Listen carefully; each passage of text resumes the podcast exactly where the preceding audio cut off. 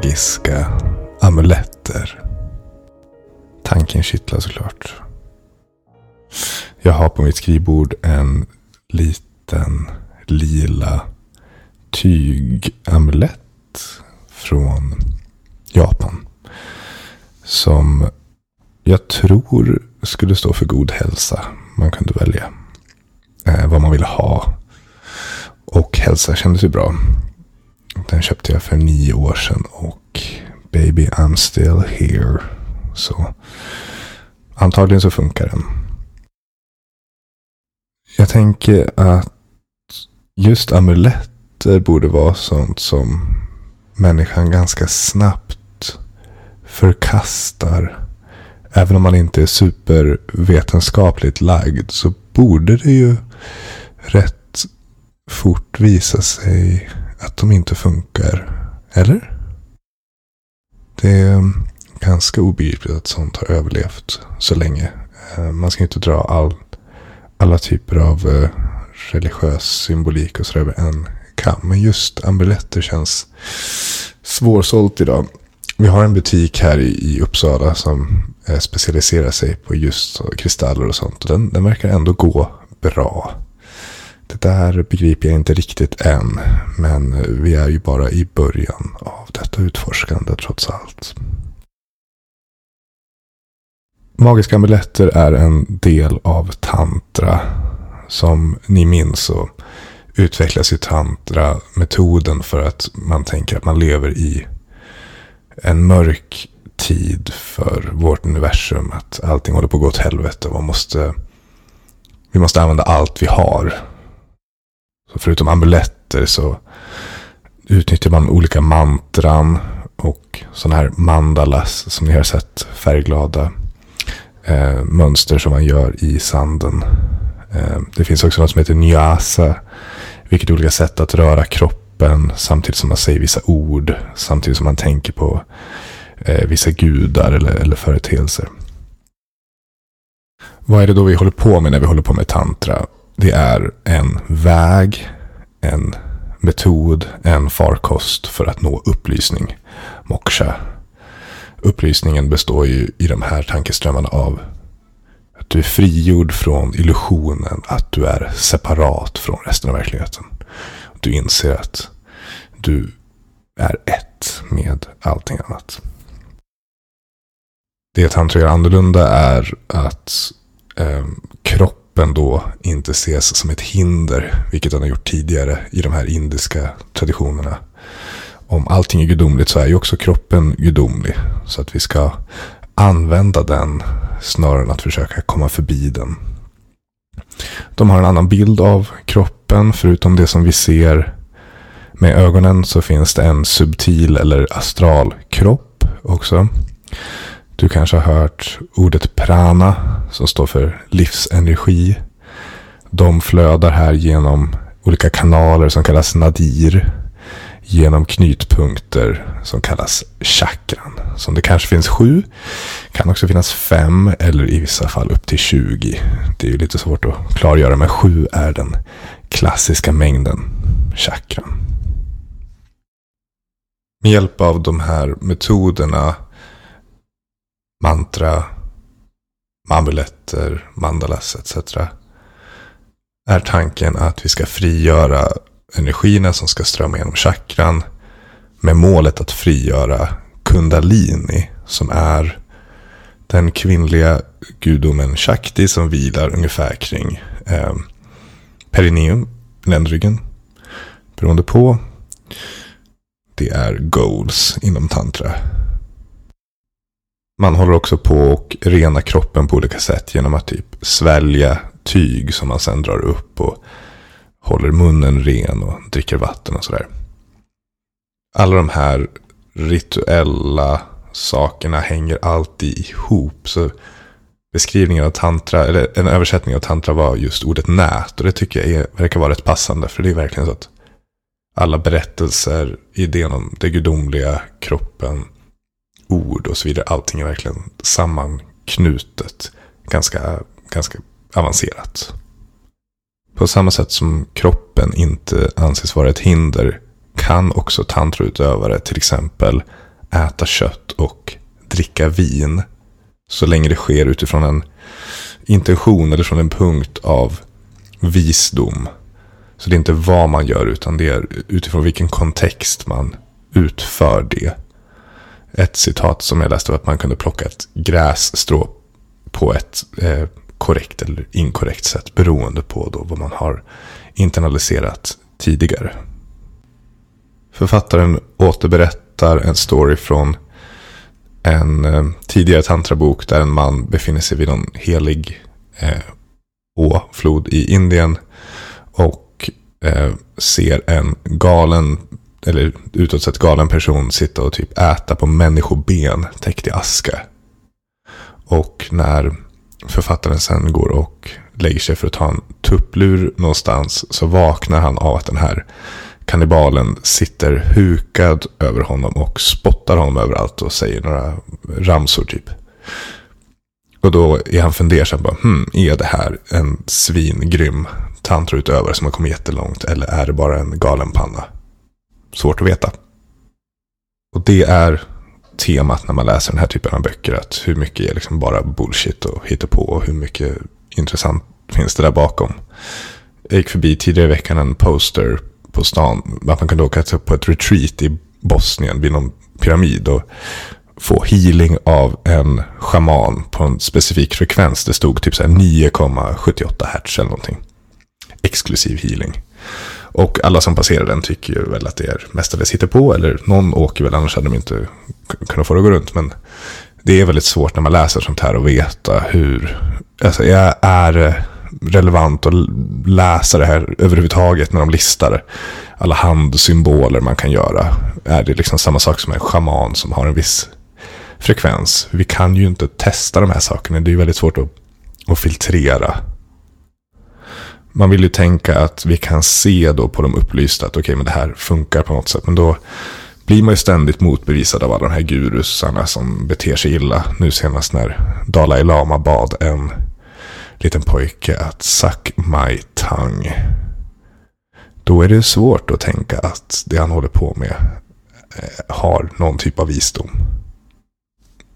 Ett sätt man kan förhålla sig till det är ju ungefär som vi förhåller oss till psykologiska diagnoser som ändras väldigt ofta och är väldigt svåra att reproducera vetenskapligt. Tycker vi att till exempel ADHD finns i verkligheten? Finns ADHD? Eller är det bara en, en modell av någonting? På samma sätt kan man tänka sig att fråga sig om kundalini finns, om chakran finns.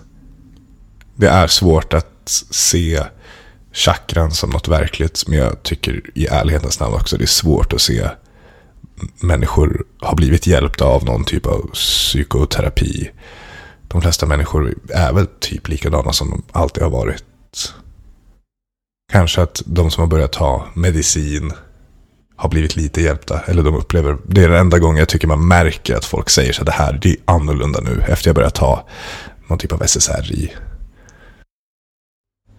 Det som är härligt med tantra är ju just det här, tycker jag, magi och mystikdelen.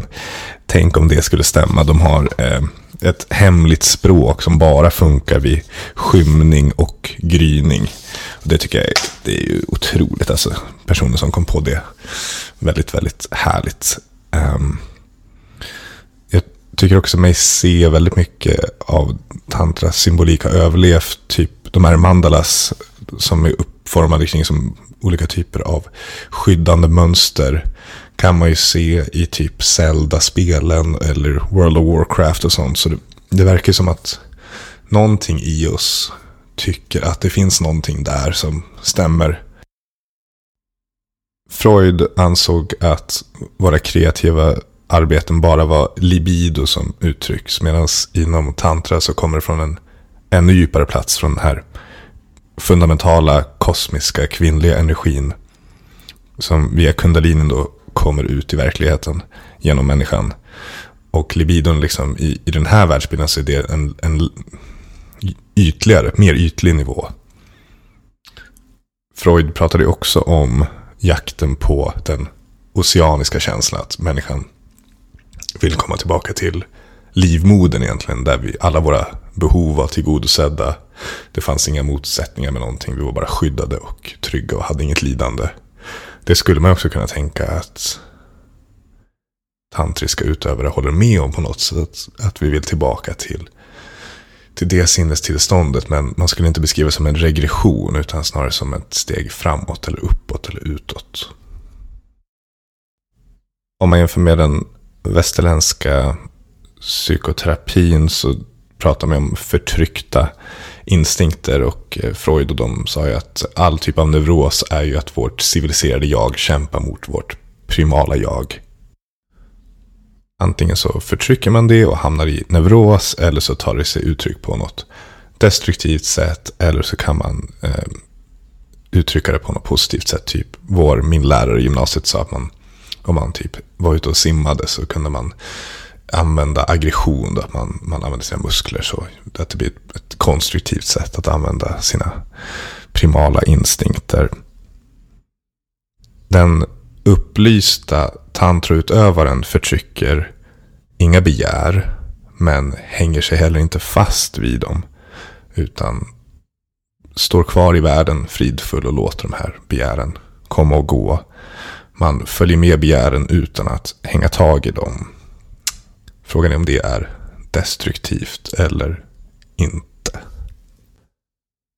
Den mest kärnfulla symbolen är guden Shiva som går omkring täckt i aska.